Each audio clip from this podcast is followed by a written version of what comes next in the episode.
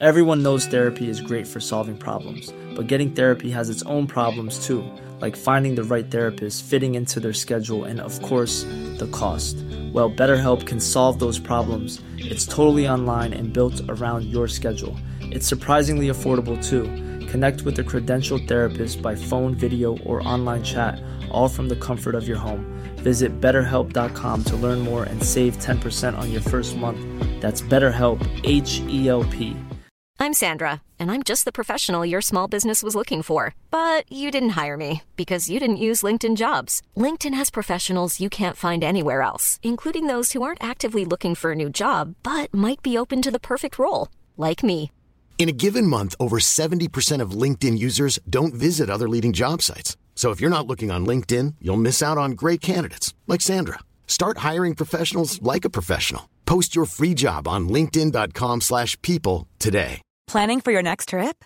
Elevate your travel style with Quince. Quince has all the jet-setting essentials you'll want for your next getaway, like European linen, premium luggage options, buttery soft Italian leather bags, and so much more. And is all priced at 50 to 80% less than similar brands. Plus, Quince only works with factories that use safe and ethical manufacturing practices. Pack your bags with high-quality essentials you'll be wearing for vacations to come with Quince. Go to quince.com slash pack for free shipping and 365-day returns. Helt siden de første menneskene slo seg ned i Trøndelag, har det blitt observert underlige lys over Hessdalen. Fenomenet har blitt forsøkt bortforklart som syner sett av bygdetullinger og deliriske hallusinasjoner forårsaket av den lokale drikkekulturen. Men det skulle vise seg at fenomenet stakk langt dypere, når Hessdalen-fenomenet fikk verdensomspennende oppmerksomhet i ufo-miljøet på 1980-tallet. Fenomenet er fremdeles der, og det er fremdeles like uforklarlig som den gang. I 2024 kommer en podkastserie i seks deler, produsert av Project Hessdalen, som kanskje en gang for alle skal finne svar på hva som rører seg på himmelen i denne bortgjemte dalen i Trøndelag. Serien har som seg hør og bør fått tittelen A Blaze in the Northern Sky, og den kommer til din favorittpodkastavspiller i 2024.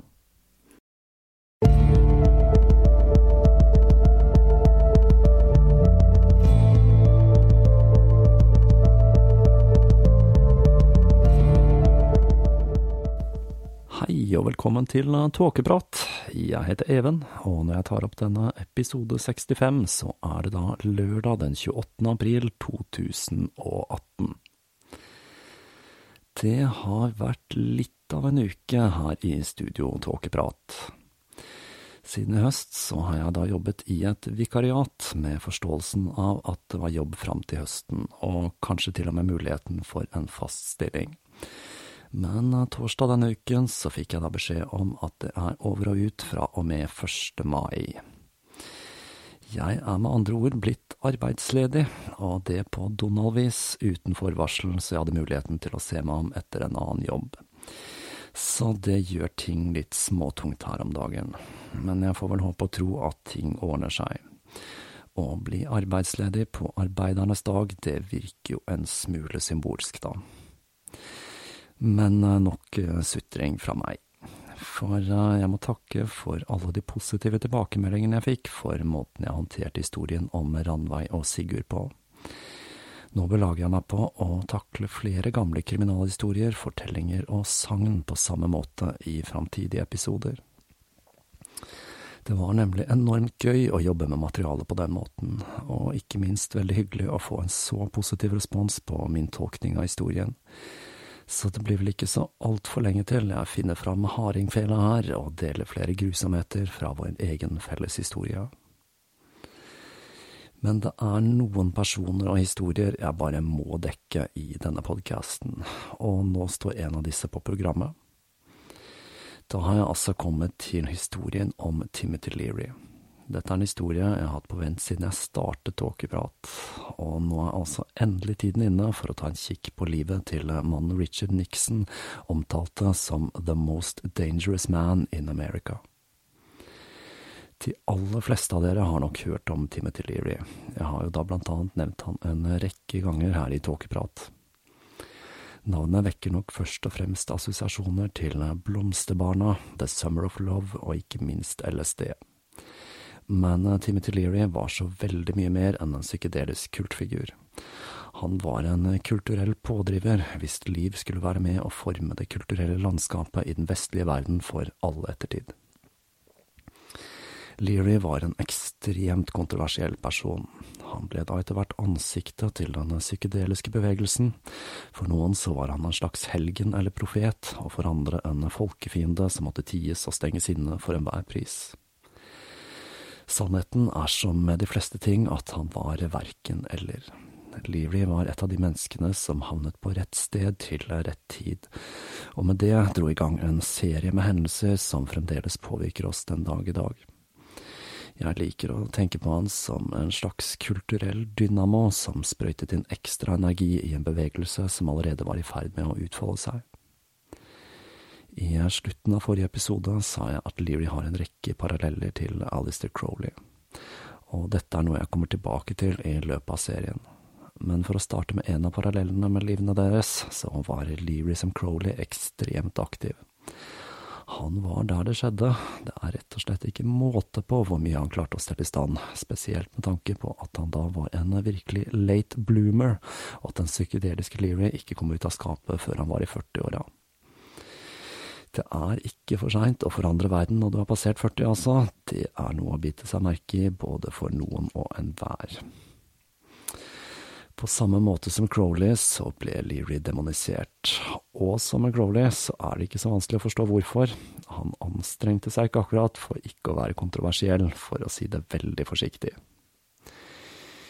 I tillegg til å pumpe ut en rekke bøker, ideer og holde en masse foredrag, så var han involvert i ekstremt mange aspekter av et samfunn som var i ferd med å foreta et kvantesprang fra det stive, forknytte 50-tallet over i en virkelighet preget av individuell frihet, seksuell frigjøring, antikrigsbevegelsen og feminisme. Leary var spydspissen som snakket etablerte samfunnet midt imot. Han hadde plenty av både gode og dårlige sider, men en viktig figur, det var han utvilsomt. Han var involvert med så mange spennende personer, og han hadde så mange interessante ideer at det kommer til å bli en prøvelse for meg å følge den røde tråden i historien her. Men når jeg først har tatt for meg Leary, så vil det åpne døren for å kunne fortelle historien om mange andre spennende personer og tema i framtidige episoder. Fordi historien om Leary er så ekstremt omfattende og ikke tok skikkelig til før halvveis i livet hans, så har jeg valgt å kun raskt oppsummere livet og karrieren hans fram til ting virkelig begynner å bli interessante.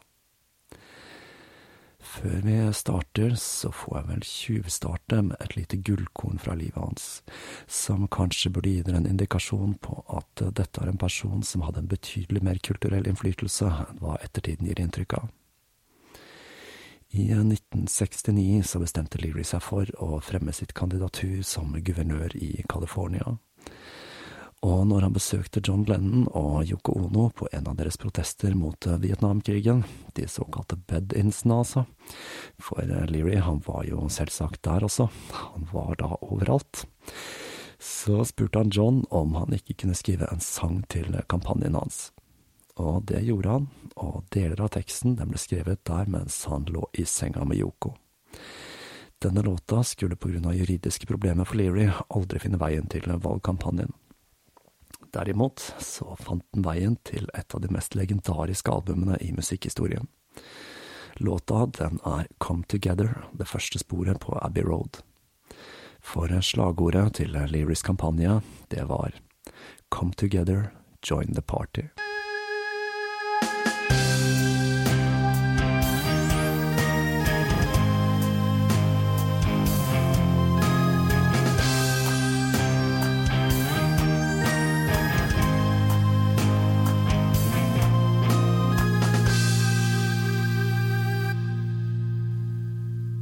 Timothy Francis Leary ble født den 22. oktober 1920 i Springfield, Massachusetts. Han var da sønn av Timothy Tote Leary, en tannlege, og Abigail Ferris, som kom fra en ekstremt religiøs familie. Så voldsomt religiøs var den familien at eh, søsteren hennes hadde grått i tre dager når hun ble gift, og tigget og bedt om at de to ikke skulle dra på bryllupsreise, for at de da ikke skulle gjøre slike ting som man gjør på bryllupsreise, altså. Tim han var enebarn, og selv om faren hans hadde en svært vellykket karriere som tannlege, så drakk han, og han var dypt ulykkelig med tilværelsen. Og han forlot kone og sønn når eh, Tim kun var 14 år. Det var det samme året bestefaren hans døde, og de oppdaget at arven de hadde forventet, var tapt i børskrakket og i dårlige investeringer. Etter å ha gått på en katolsk skole i Massachusetts, så ble han innrullert som kadett ved militærakademiet ved West Point. Her skulle den unge Tim raskt vise seg fra sin opprørske side, og det hele toppet seg etter en fuktig kveld hvorpå han dagen derpå nektet å tilstå hva som hadde skjedd og med det så ble han fryst ut av troppen, og ingen fikk snakke med han. Det hele endte med at han til slutt ble stilt for krigsrett og ble frikjent. Men utfrysningen den fortsatte til tross for frifinnelsen, og han ble til stadighet straffet for mindre overtredelser. Til slutt så grep moren hans inn og kontaktet sin venn senator David I. Walsh, som startet en personlig etterforskning av saken, og enden på visa ble at eh, Tim slapp tjenesten uten at det fikk konsekvenser for hans eh, militære rulleblad. Etter West Point så var han en kort periode på The Holy Cross Jesuit College, siden da hans mor drømte om at han skulle bli en prest. Men mangelen på jenter, det gjorde at han mistet all interesse, og han begynte å skulke. Og det var i denne perioden han også frasa seg sin eh, kristen tro. Etter dette så begynte han da på universitetet i Alabama i 1941, hvor han fikk eh, svært gode karakterer. Og det var her han begynte å dyrke sin interesse for psykologi og biologi. Men biologiinteressen hans, den var nok litt for sterk for hans eget beste, for kun etter ett år så ble han utvist fra tilbrakte natt i pikeinternatet ved skolen. Dere begynner vel kanskje allerede å skjønne at Learys forhold til det motsatte kjønn vil spille en sentral rolle i livet hans. I 1943 ble han kalt inn til militærtjeneste. Da det ikke var umiddelbar bruk for han i krigen, så fikk han muligheten til å fortsette psykologistudiene sine under et militært opplæringsprogram, hvor han da studerte tre måneder ved universitetet i Georgetown og seks måneder ved Ohio State. I løpet av tjenesten så pådro han seg en hørselsskade som en følge av å ha stått for nær artilleriet, noe som gjorde at han måtte bruke høreapparat resten av livet, og dette var noe han var svært flau over og forsøkte å skjule. Og det var også under militærtjenesten at han møtte sin første kone, Marianne Bush, nettopp mens han fikk diagnostisert hørselsskaden sin. Hun var både smart og sofistikert, og de to forelsket seg, og giftet seg den 12. april 1944. Sammen så flyttet de inn i et luksuriøst hus i Berkeley Hills med en fantastisk utsikt over San Francisco. Når krigen var over, så hadde han da blitt sersjant, og han kunne skilte med hele fire medaljer. Han fortsatte psykologiutdannelsen sin via brevkurs, og fullførte utdannelsen den 23. august 1945. Etter krigen så fikk han en mastergrad i psykologi fra universitetet i Washington State, og psykologi begynte å virke som et mer og mer spennende fag for den unge Leary. Feltet var nemlig i drivende utvikling, spesielt siden innen farmakologi stadig ble utviklet nye preparater som så ut til å kunne gjøre underverker i kombinasjon med terapi. I 1947 så fødte Marianne deres første barn, Susan, og to år senere Jack og i 1950 så fikk han en doktorgrad i klinisk psykologi fra universitetet i Berkeley, California. Leary fikk da en stilling ved universitetet i San Francisco, og det burde jo ha vært hele historien. En bra jobb, hus, kone og to barn. For eh, det er drømmen, er det ikke, men eh, tilværelsen til de to, den var da langt fra rosenrød. Ikke bare så var Leary involvert med en annen kvinne, men han og Marianne var fanget i en mekanisk tilværelse og dypt ulykkelige, og det var kun alkoholen som gjorde at de to klarte å opprettholde fasaden. Idyllen skulle brått ta slutt i 1955. Natten den 21. oktober snek Marianne seg ut av sengen og ned i garasjen. Hun lukket porten bak seg, satte seg i bilen og skrudde på tenningen. Når Tim våknet neste morgen, var det hans 35. bursdag. Han så seg om etter Marianne. Hun var ikke å se. Han vekket barna og ba de hjelpe til å lete. Da de åpnet garasjen, ble de møtt av en vegg med eksos. Ved liket hennes lå et selvmordsbrev. Min kjære, jeg kan ikke leve uten din kjærlighet. Jeg har elsket livet, men jeg har levd gjennom deg. Barna vil vokse opp og lure på hva som skjedde med deres mor. Jeg elsker de så høyt, vær så snill å fortelle dem det. Vær god mot dem, de er meg så kjære. Etter begravelsen giftet Tim seg med sin elskerinne, men dette forholdet slo snart sprekker når familien tok en tur til Europa hvor hun forlot ham. Pengene begynte å ta slutt, og på toppen av det hele så fikk han gonoré av en spansk prostituert. Ting så ikke så lyst ut for Timothy Leary. I denne perioden begynte han å jobbe med en avhandling som han kalte Den eksistensialistiske transaksjonen, hvor han argumenterte for at psykologen selv måtte delta i pasientens liv og gi noe av seg selv for å kunne helbrede. Han presenterte ideene fra avhandlingen for professor David McLeland, som var direktøren for Harvard Center for Personality Research, som da var på ferie i Firenze og imponert over Learys innsikt og revolusjonerende ideer, så tilbød han en stilling ved Harvard. Og det er nå, i 1959, legenden begynner å ta form.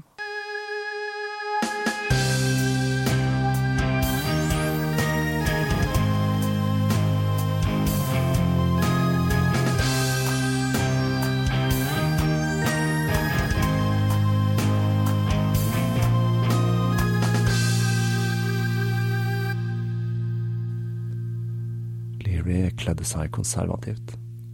Med sin tweedress med skinnlapper på albuene, hornbriller og høreapparat, så skled han perfekt inn i tilværelsen som en professor ved Harvard. Det var kun de hvite tennisskoene som hintet om at det skjulte seg en rebell bak det grå ytre. Tim var fremdeles glad i å drikke og sosialisere seg, og han tok imot studenter som hadde spørsmål på kontoret sitt på Divinity Avenue, og det var der han møtte en annen historisk gigant, assistentprofessor Richard Alpert. For de av dere som ikke vet hvem dette er, så må jeg nesten forklare litt. Jeg kommer selvsagt tilbake til han gjennom hele serien, men Richard Alpert skulle senere ta navnet Ramdas, og skulle bli en av de viktigste og mest respekterte formidlerne av buddhisme og hinduisme i Vesten. Han er blant annet kjent for en rekke innsiktsfulle bøker som Be Here, Be Now. Ramdas han lever fremdeles, og det ligger en fantastisk god minidokumentar om han på Netflix i disse dager. Going Home, som absolutt er verdt å sjekke ut. I denne dokumentaren så reflekterer han over livet og døden fra sin bolig på Hawaii. Han fikk nemlig da slag for noen år siden, og dette er en svært hjertevarm dokumentar om denne mannen som er en av guruene som ikke gikk bananas på samme måte som Bhagwan Shri Rainish. Men han er faktisk frem til den dag i dag en som kan skilte med reell, dyp innsikt. Og han arrangerer fremdeles meditasjonsretreater på Hawaii. Det som gjør denne dokumentaren ekstra sterk, er at mannen ikke har lenge igjen å leve, noe han er svært klar over selv. Som han selv sier, å dø er bare som å ta av seg en trang sko. De to kom godt overens. Richard kom fra en svært velstående familie og var veldig opptatt av materiell velstand, men han hadde et godt vesen, og de to ble straks gode venner. Da Tim bestemte seg for å ta sommerferien i Mexico, så ville Richard gjerne bli med, og hvordan de to reiste dit, sier en hel del om personligheten til de to på den tiden. Tim han kjørte i en gammel, utslitt Ford som var så utslitt i at folk spekulerte i om han i det hele tatt ville komme frem, mens Richard, han kjøpte et småfly og fløy dit. Tim hadde leid en villa i Cuernavaca, en vakker bygning med basseng og en frodig hage. I tillegg til Richard så fikk han besøk av en rekke venner og kollegaer i løpet av oppholdet. En av disse, Frank Barron, hadde tidligere fortalt han om magisk sopp. Han hadde da fått tak i disse fra en meksikansk psykiater. Tim hadde fnyst av det hele, og han var litt bekymret og flau over sin kollega som satte sitt profesjonelle rykte i fare ved å snakke om denne typen ting offentlig. Ideen om denne magiske soppen var nemlig helt ny, og hadde først blitt kjent for offentligheten i 1957 gjennom en artikkel om arbeidet til R. Gordon Wasson i Life Magazine. Og den historien har jeg jo dekket her i Tåkeprat i episode 15, Theonana Catel. Om du ikke har hørt den, så kan det kanskje være greit å ta en lytt for å få med seg forhistorien til denne serien. Soppen ble den store snakkisen rundt bassengkanten i den meksikanske villaen, og en av gjestene, Gerhard Braun fra det meksikanske universitetet, mente at han kunne hjelpe dem med å få tak i den mystiske soppen om de hadde lyst til å prøve. Tim var skeptisk, men han innså at denne soppen kunne potensielt ha en betydning for arbeidet hans med en ny type psykologi, og han var tross alt på ferie, så han takket ja til å prøve det. Braun og noen venner klarte da å få tak i en pose med sopp på et lokalt marked fra en curandera som da hadde det lekre navnet Gale Joanna, i da en svært shady transaksjon bak et eh, lokal kirke. Curandera er da hunnkjønnsformen av curandero eller helbreder, som er en fellesbetegnelse som brukes som sjamen i Sør-Amerika, og ikke bare de som leder soppvela der. Mitt inntrykk er at det ser ut til at den sjamanistiske bruken av sopp i stor grad er knyttet til kvinner, i motsetning til ayahuasca, hvor sjamanen ofte er mann. Men det er bare en observasjon fra meg der, altså, så vær så snill å ikke hisse dere opp, kjære religionshistorikere der ute. Soppene, de var svarte og mugne og luktet råttent men de spiste de der ved siden av bassenget, mens en av gjestene, Bruce, som ikke spiste av soppen, fikk i oppgave å skrive ned og dokumentere hva som skjedde. Nervøse for hva de egentlig hadde fått i seg, så satt de der rundt bassengkanten i den pittoreske villaen og ventet. Etter en halvtime begynte effekten å sette inn. Og nå skal jeg kose meg litt med tekstene til Timothy Leary, for jeg ble pent nødt til det for å formidle det neste som skjedde. Og jeg må si at eh, det å oversette Leary blir et lite høydepunkt for meg med denne serien. Jeg er da fryktelig usikker på om dette er blitt gjort på norsk før, så dette kan faktisk være en slags urpremiere. Leary på norsk, altså. Her kommer da litt fra High Priest, hvor han eh, beskriver sin psykedeliske oppvåkning. I begynnelsen var det skru på, glimtet, opplysningen, den elektriske turen den plutselig Millions of people have lost weight with personalized plans from Noom, like Evan, who can't stand salads and still lost 50 pounds. Salads, generally, for most people, are the easy button, right? For me, that wasn't an option. I never really was a salad guy. That's just not who I am. But Noom worked for me. Get your personalized plan today at Noom.com. Real Noom user compensated to provide their story. In four weeks, the typical Noom user can expect to lose one to two pounds per week. Individual results may vary. Hey, it's Ryan Reynolds, and I'm here with Keith, co star of my upcoming film, If, only in theaters, May 17th. Do you want to tell people the big news? All right, I'll do it. Sign up now and you'll get unlimited for $15 a month in six months of Paramount Plus Essential Plan on us. Mintmobile.com slash switch. Upfront payment of $45 equivalent to $15 per month. Unlimited over 40 gigabytes per month. Face lower speeds. Videos at 480p. Active Mint customers by 531.24 get six months of Paramount Plus Essential Plan. Auto renews after six months. Offer ends May 31st, 2024. Separate Paramount Plus registration required. Terms and conditions apply if rated PG. Strømningen av energi som starter det nye systemet. Skru på var Gud. Alle ting ble skapt av skru på, og uten han var det ingenting. I skru på var det liv, og liv var menneskenes lys. Det har alltid vært det samme, det var et lysglimt som sprengte galaksene hvorfra all energi flyter, det var gnisten som tenner sammensmeltningen av strenger av aminosyre som skaper den summende sangen til organisk liv. Det er det briljante neurologiske glimtet som opplyser skyggene av menneskets bevissthet, den gudberusende åpenbaringen, sammensmeltningen med det guddommelige, visjonen av harmoni, samadhi satori, en ekstase som vi nå kaller psykedelisk.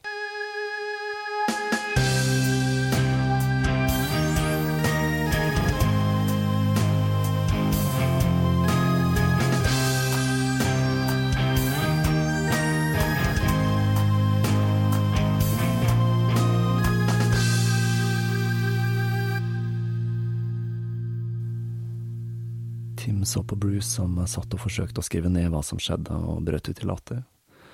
Hvordan kunne han forstå hva som skjedde? Han forsto der og da at noen ting ikke kan forklares, men må oppleves. Han gikk inn og la seg på sengen mens soppen trakk forhenget til side og åpenbarte det guddommelige for Timothy Leary. Denne opplevelsen, som kun varte i fire timer, skulle endre livet til Tim og de rundt han for all ettertid. Han forsto at han ville bli uglesett og utledd på samme måte som han selv hadde reagert på sin kollega da han hadde snakket om den magiske soppen. Men i den opplevelsen så så han muligheten for å bruke sin idé om deltakernes psykologi. Psykologen kunne ved hjelp av soppen delta i pasientens opplevelser. Uforvarende hadde Leary snublet over et eldgammelt sjamanistisk prinsipp, der sjaman selv deltar i ritualet og leder deltakerne gjennom reisen i åndeverden for å helbrede og veilede. Tim forsto at om han skulle få folk til å forstå hva han hadde oppdaget, så måtte han få flest mulig til å prøve soppen, for selv å oppleve hva han hadde opplevd. Og det er her Leary, ifølge mange, inkludert meg selv, gjorde en blemme. Riktignok så ville vi aldri hatt noen time til Leary om det ikke hadde vært for ideen om at flest mulig burde innta sakramentet, men dette skulle få ekstreme konsekvenser både for forskningen på og forståelsen av disse stoffene i ettertid. Aldous Huxley, som også har dukket opp gjentatte ganger her i Tåkeprat, og som skrev The Doors to Perception basert på sine psykedeliske opplevelser, og som også da skulle ha vært den som introduserte Alice Crowley for P8, var da av den oppfatningen at dette var opplevelser som først og fremst burde forbeholdes tenkere, religiøse personer, kunstnere og vitenskapsmenn. For da ikke å snakke om R. Gordon Wasson, som var svært bitter da en kombinasjon av artikkelen hans i Life og Learys entusiasme for soppen gjorde at den lille landsbyen til Maria Sabina, kuranderaen som hadde introdusert Wasson for soppen, ble rent ned av vestlige på jakt etter den nye opplevelsen, noe som da førte til at hun ble fryst ut fra lokalsamfunnet og jeg sitter vel med en følelse av at eh, denne bitterheten farget noe av det senere arbeidet til Wasson, spesielt da i identifikasjonen av Soma, som er et av de store mysteriene i hinduismen, men det er en helt annen historie. Tim ble besatt av ideen om å ta i bruk denne nye kunnskapen, og han takket ja til å sitte på i småfly til Richard tilbake til Statene. Richard på sin side, han unnlot å fortelle Tim at han ennå ikke hadde fått pilotløven sin, eller for den saks skyld at han smuglet nærmere en kilo med marihuana i flyet. På flyplassen så ble det da litt bråk med meksikanske myndigheter på grunn av noen flytekniske feil Richard hadde gjort, men Tim han glattet over det hele med en liten bestikkelse. Vel tilbake i Statene så startet Tim prosessen med å etablere hva som senere skulle bli The Harvard Psychedelics Research Program. Utfordringen den var å få tak i mer av soppen, men dette skulle heldigvis vise seg å være en smal sak. Sandos-laboratoriene i Sveits, som også var kjent for fremstillingen av LSD, hadde nemlig isolert det aktive stoffet i soppen, psilocybin, og det var nå mulig å bestille preparatet som kom i form av noen små rosa piller i så store mengder de bare ønsket. At psilocybin er det eneste aktive stoffet i soppen, er vel en sannhet med modifikasjoner, men dette er da ikke en kjemipodkast, så jeg lar den ligge. Leary sitt første forslag til en studie, som da het A Study of Clinical Reactions to Psilocybin Administered in Supportive Environments, gikk da ut på at eh, forskeren og deltakeren skulle oppholde seg i estetisk vakre omgivelser, med da en støttende gruppe der forskeren og deltakeren begge skulle ta den mengden psilocybin de selv ønsket. Dette vekket da selvsagt litt forbauselse, men siden akademisk frihet var et av grunnprinsippene ved Harvard, så fikk Leary grønt lys til å starte eksperimentet. Men Leary var litt usikker på hvordan han skulle angripe det hele.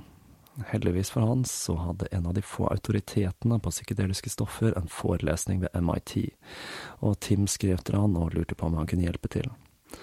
Mannen var den da 66 år gamle Aldous Huxley. Huxley var veldig entusiastisk når han hørte at Leary planla å sette i gang eksperimenter med psykedeliske stoffer. Og siden han også var klar over at dette ville bli en svært kontroversiell studie, så var han glad for at Tim hadde en institusjon med tyngden til Harvard i ryggen. Huxley introduserte Leary for en annen psykedelisk bauta, dr. Humphrey Osmond, som var en britisk psykolog, og som var den første som hadde tatt i bruk ordet psykedelisk. Osmund hadde da tidligere eksperimentert med å kurere alkoholisme med meskalin i Canada. Etter de tre hadde møttes og Huxley og Osmond snakket om inntrykket de hadde av Leary, så uttalte Osmond. Jo, han er en hyggelig fyr, men syns ikke du også at han virker litt for firkanta? Senere skulle Osmond si at det var en av de største feilvurderingene i hans liv. Huxley deltok i eksperimentene, og han advarte Leary. Han var klar over at bruken av disse stoffene ikke bare hadde potensial til å forårsake enorme sosiale omveltninger, men også at de kunne kaste et nytt lys over religion. I Wassons arbeid hadde han nemlig spekulert i om disse stoffene hadde spilt en sentral rolle i tilblivelsen av religiøse ideer i prehistorisk tid, og dette var ikke en populær idé, spesielt ikke blant etablerte regioner, og Huxley var smertelig klar over potensialet for skandale. Men i likhet med Leary så ønsket han at disse stoffene skulle bli bedre forstått, og Leary fulgte rådet hans, til å begynne med i hvert fall. De første personene som deltok i eksperimentet, var personer fra beat-bevegelsen, som William Burroughs.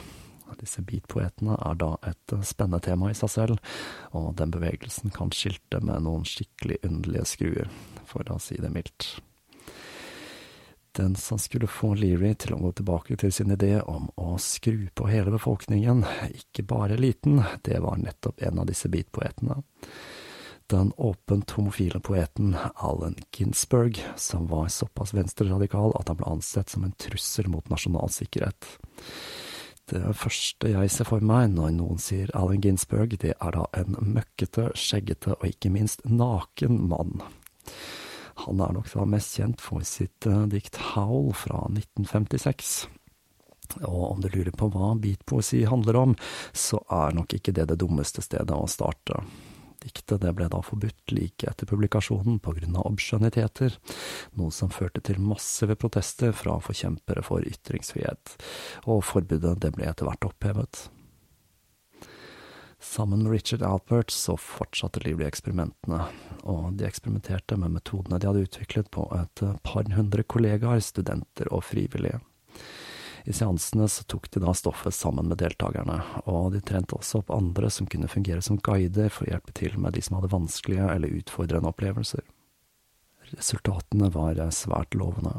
Men Leary han trengte håndfaste data som ble tåle en fagfellevurdering, for da kunne overbevise sine kollegaer i akademia om at han hadde oppdaget en helt ny teknikk innen psykologi som kunne brukes på den måten han beskrev i sin eksistensielle transaksjon. Og med det så startet de et kjempekontroversielt program, det såkalte fangeeksperimentet i Massachusetts.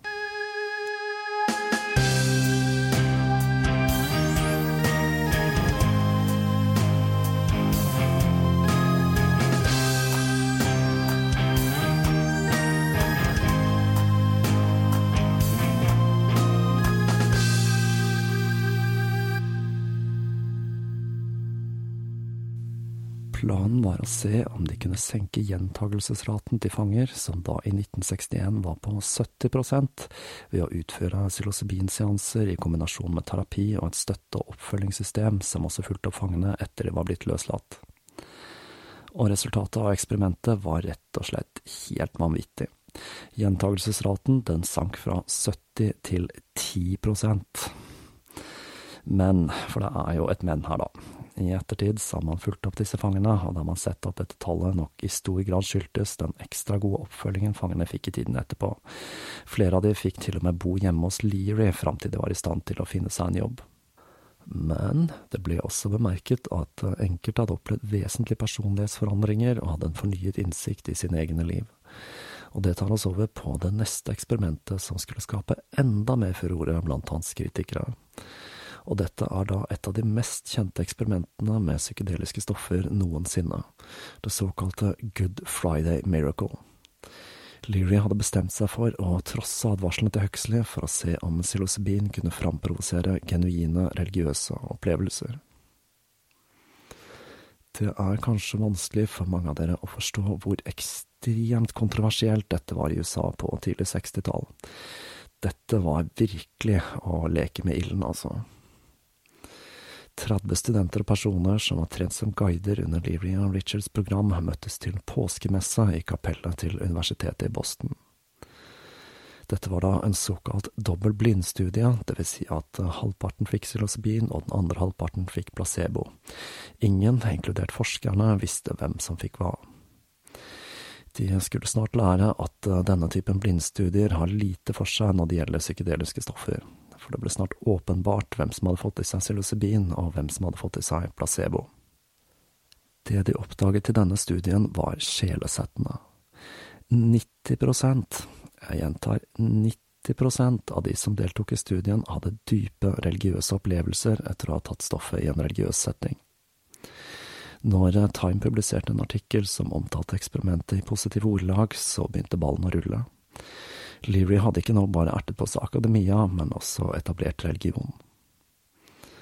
Som en liten sidenote så ble det gjort en oppfølgingsstudie av de som deltok i Good Day Miracle 30 år senere, og de som ble intervjuet i denne studien kunne fremdeles rapportere at det som skjedde den dagen var en av de dypeste religiøse opplevelsene i deres liv. Det stormet rundt Leary.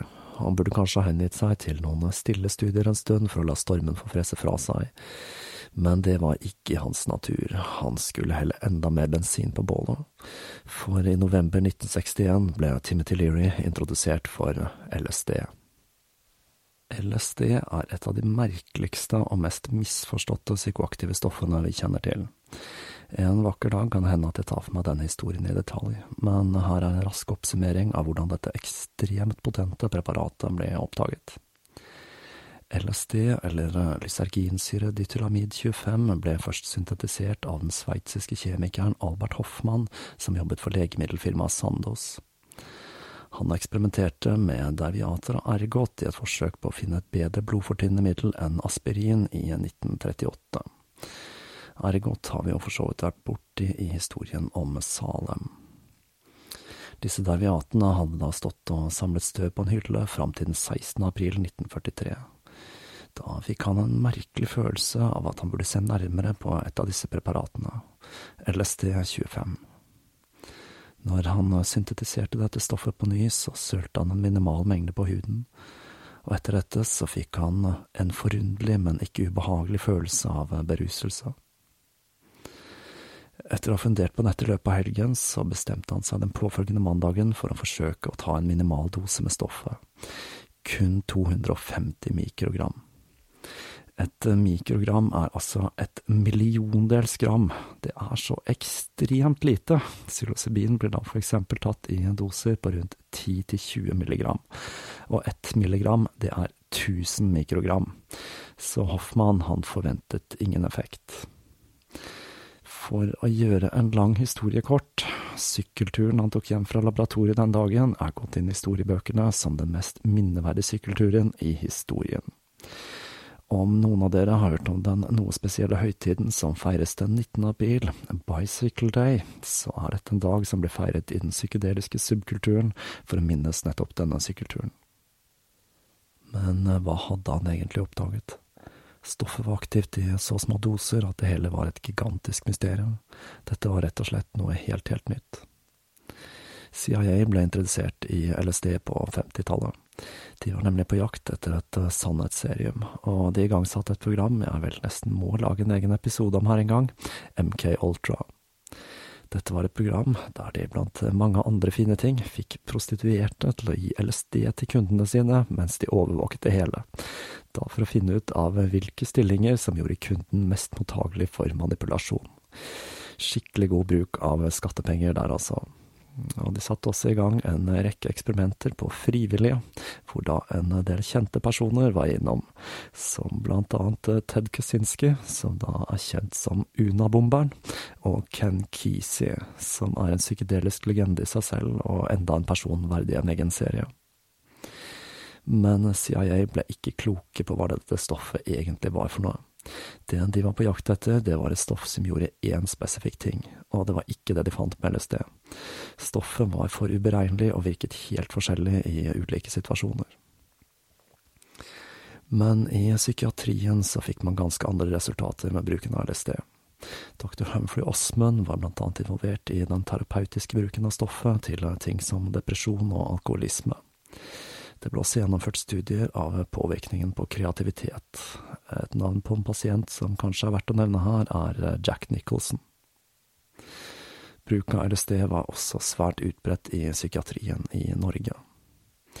I det hele tatt så var psykiatrien og psykologien inne i en renessanse der man hadde fått et verktøy som så ut til å åpne deler av menneskesinnet som tidligere hadde vært utilgjengelige. Men det hele skulle eksplodere i ansiktet på akademia, for en eksentrisk og sjarmerende professor fra Harvard hadde fått en visjon, og den var å skru på hele verden.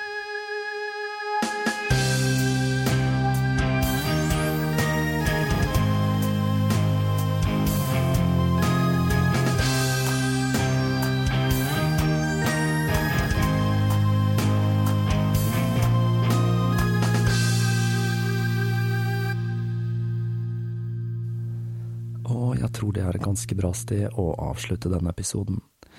Det er så mange men spennende mennesker som er involvert i denne historien at jeg sliter litt med å ikke begynne å legge ut om livshistoriene deres, med personer som Ken Kesey, Aldous Huxley, Humphrey Osman, Albert Hoffmann, Ramdas, Allen Ginsberg osv.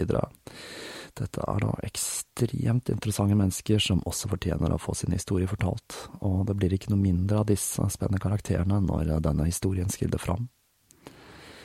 Det som kanskje er litt viktig å huske her, når jeg snakker om ting som psilocybin og LSD i denne fortellingen, er at dette var lovlige stoffer på denne tiden, og at disse preparatene skiller seg ut ifra hva man tenker på når man snakker om tradisjonelle rusmidler de klassiske psykedeliske stoffene, enten det nå være seg det ene eller det andre, fører normalt ikke til avhengighet, men det blir i mange tilfeller brukt til å kurere nettopp ting som avhengighet, som vi da allerede har sett med eksperimentene til Osmund med meskalin og LSD mot alkoholisme.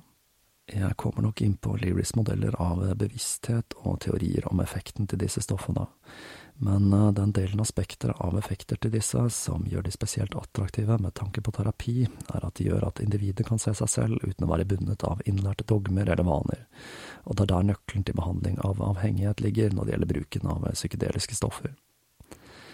Det kanskje mest kjente av disse som har en utstrakt bruk i dag, er ibogain. Det er et stoff som er beslektet med psilocybin, og som kommer fra den afrikanske planten iboga. Virkningen til dette stoffet blir da beskrevet som ekstremt ubehagelig av de som har hatt den tvilsomme gleden. Dette blir da brukt mot avhengighet av annet opiater, med tilsynelatende svært stor suksess, og det finnes en rekke rusavvenningsklinikker i land der dette preparatet er lovlig. Det er selvsagt også et religiøst aspekt knyttet til bruken av disse stoffene, iallfall psilocybin og meskalin, det har vi jo for så vidt så vidt vært inne på allerede. Når det gjelder den legale statusen til LSD og psilocybin, så kommer jeg tilbake til den senere i serien. Men eh, det jeg kan si, er at eh, disse stoffene har igjen begynt å fange interessen til akademia, nå som hysteriet som kom i kjølvannet av den historien jeg nå forteller, endelig ser ut til å ha dempet seg litt. Nå er ikke jeg helt på ballen med hva som har skjedd med denne forskningen i de senere år, men jeg vet det er utført en rekke eksperimenter med psilocybin i flere land, på da ting som posttraumatisk stress og lettelse av dødsangst hos døende. Og jeg syns jeg hørte et rykte om at Sveits og Sandos er i ferd med å gjenoppta eksperimentene med LSD. Så selv om denne historien kan virke fremmed og langt vekke fra sin tid, så er den faktisk mer aktuell nå i dag enn den har vært på mange, mange år. Heldigvis ser det ut til at de som holder på å forske på dette feltet i dag, har lært litt av historien og forholder seg en smule roligere enn Timothy Leary. Og da er det bare for meg å takke for følget denne gang. Jeg får kaste meg rundt der og forsøke å hamre ut neste episode, og legge meg en slagplan for fremtiden på gjenhør.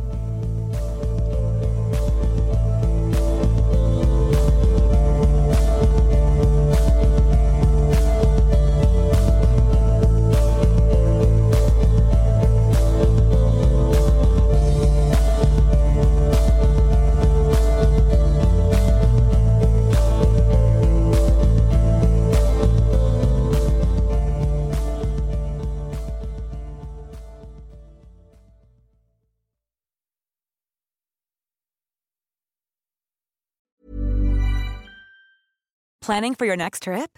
Elevate your travel style with Quince. Quince has all the jet setting essentials you'll want for your next getaway, like European linen, premium luggage options, buttery soft Italian leather bags, and so much more. And is all priced at 50 to 80% less than similar brands.